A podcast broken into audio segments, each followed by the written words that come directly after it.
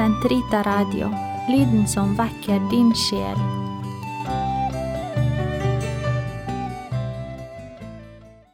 Den katolske kirkes katekisme, uke 37, lørdag. 2258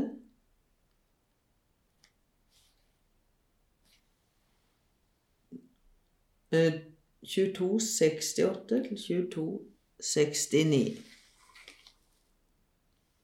Overlagt drap Det femte bud fordømmer direkte og overlagt drap som en alvorlig synd. Drapsmannen og de som frivillig er med på drapet, begår en synd som roper til himmelen etter hevn. Barnemord, brodermord, drap på foreldre og ektefelle er særlig alvorlige forbrytelser på grunn av de naturlige bånd de bryter. Hensyn til sunt arvestoff eller offentlig helse kan ikke rettferdiggjøre mord, selv om det planpålegges av offentlig myndighet.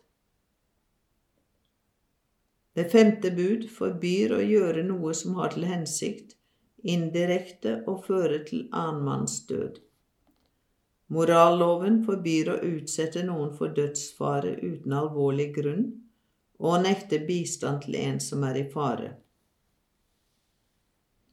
At menneskesamfunnet avfinner seg med dødbringende hungersnød uten å forsøke å råde bot på den, er en skandaløs urettferdighet og en alvorlig synd. Kremmere med ublu forretningsmetoder som fører til medmenneskers sult og død, begår mord indirekte for dette er de straffskyldige. Ufrivillig drap kan man moralsk sett ikke trekkes til ansvar for.